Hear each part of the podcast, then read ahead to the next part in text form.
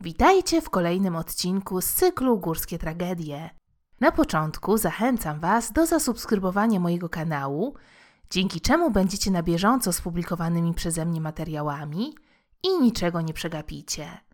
Moich podcastów możecie słuchać również na Spotify i Google Podcast. Linki zostawiam Wam w opisie. Dzisiaj opowiem o tym, jak lawina zrównała z ziemią dwa tatrzańskie schroniska. Zima 1956 roku w Tatrach była tragiczna w skutkach. Przede wszystkim była ona wyjątkowa zarówno pod względem ilości, jak i rozmiarów lawin. Przyczyniły się do tego wczesne i obfite opady śniegu.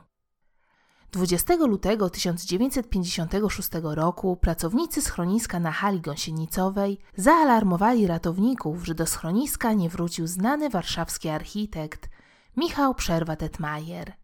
Mężczyzna zostawił tam swoje rzeczy. Poszukiwania trwały całą noc i kolejny dzień. Były one prowadzone w rejonie Czarnego Stawu Gąsienicowego. Na zwłoki przerwy Tetmajera natrafiono 6 maja. Wystawały spod śniegu. Mężczyzna zginął zasypany lawiną na szlaku z hali gąsienicowej do Czarnego Stawu pod Małym Kościelcem. Został pochowany na nowym cmentarzu w Zakopanem. 1 marca 1956 roku lawina, która ruszyła ze świstówki, wciągnęła Mariana Marcinkowskiego. Był on przewodniczącym Komisji Turystyki Narciarskiej PTTK. Poszukiwania Marcinkowskiego trwały do późnej nocy i prowadzone były kolejnego dnia. Lawina, która zeszła, była dużych rozmiarów, a jej język rozciągał się do dna Doliny Rostoki. W wyprawie uczestniczyło 22 ratowników. Na zwłoki Marcinkowskiego natrafiono dopiero 1 maja. Zostały one wydobyte i zwiezione przez ratowników do Zakopanego. Lawina zniosła Marcinkowskiego blisko 300 metrów. 2 marca 1956 roku trzej żołnierze Wojsk Ochrony Pogranicza udali się w stronę Goryczkowej na standardowy patrol. Mieli wrócić późnym wieczorem. Kiedy nie pojawili się w wyznaczonym terminie, dowódcy wysłali drugi patrol. Gdy dotarł do Goryczkowej, zastał widok, który mroził krew w żyłach. Nie było wątpliwości. Zeszła lawina. Znajdujące się tam schroniska Polaka i Króla zostały zmiecione.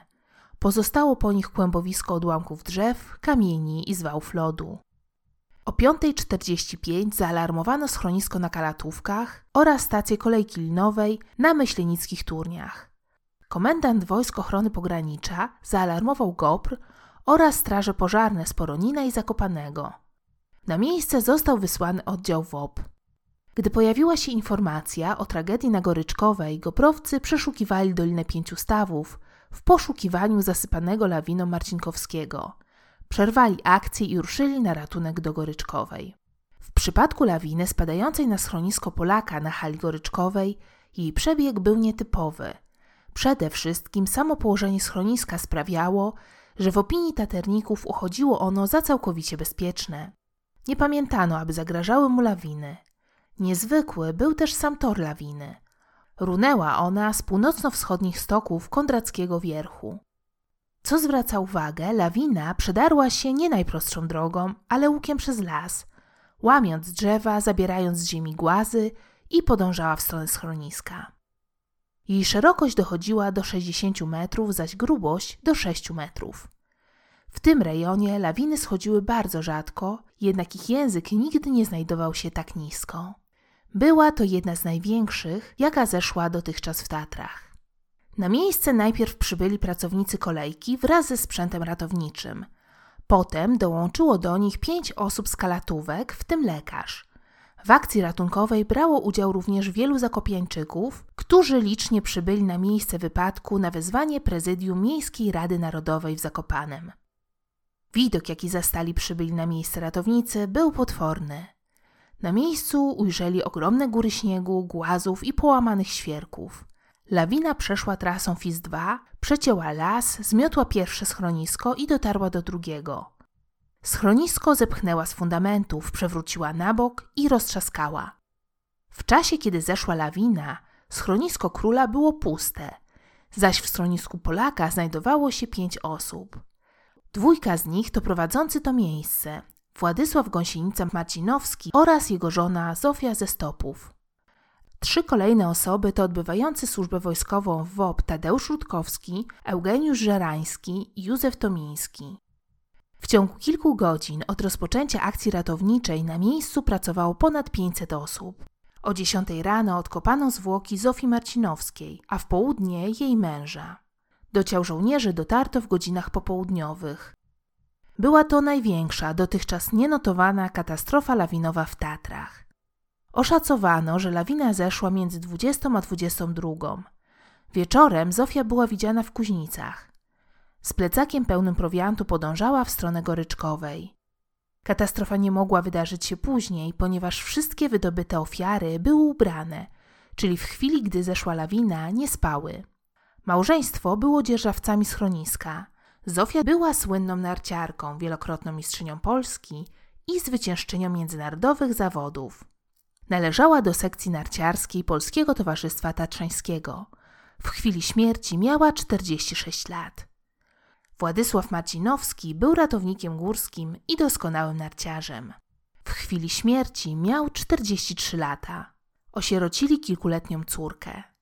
Na cześć gospodarzy schroniska żleb, który opada z kondratowego wierchu, został nazwany żlebem Marcinowskich.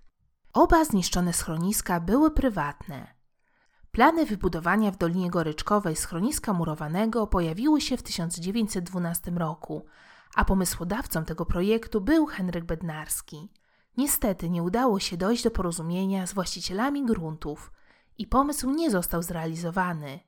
W roku 1921 z inicjatywy sekcji narciarskiej Polskiego Towarzystwa Tatrzańskiego w Zakopanem przygotowano kolejny projekt wybudowania schroniska turystycznego w hali goryczkowej.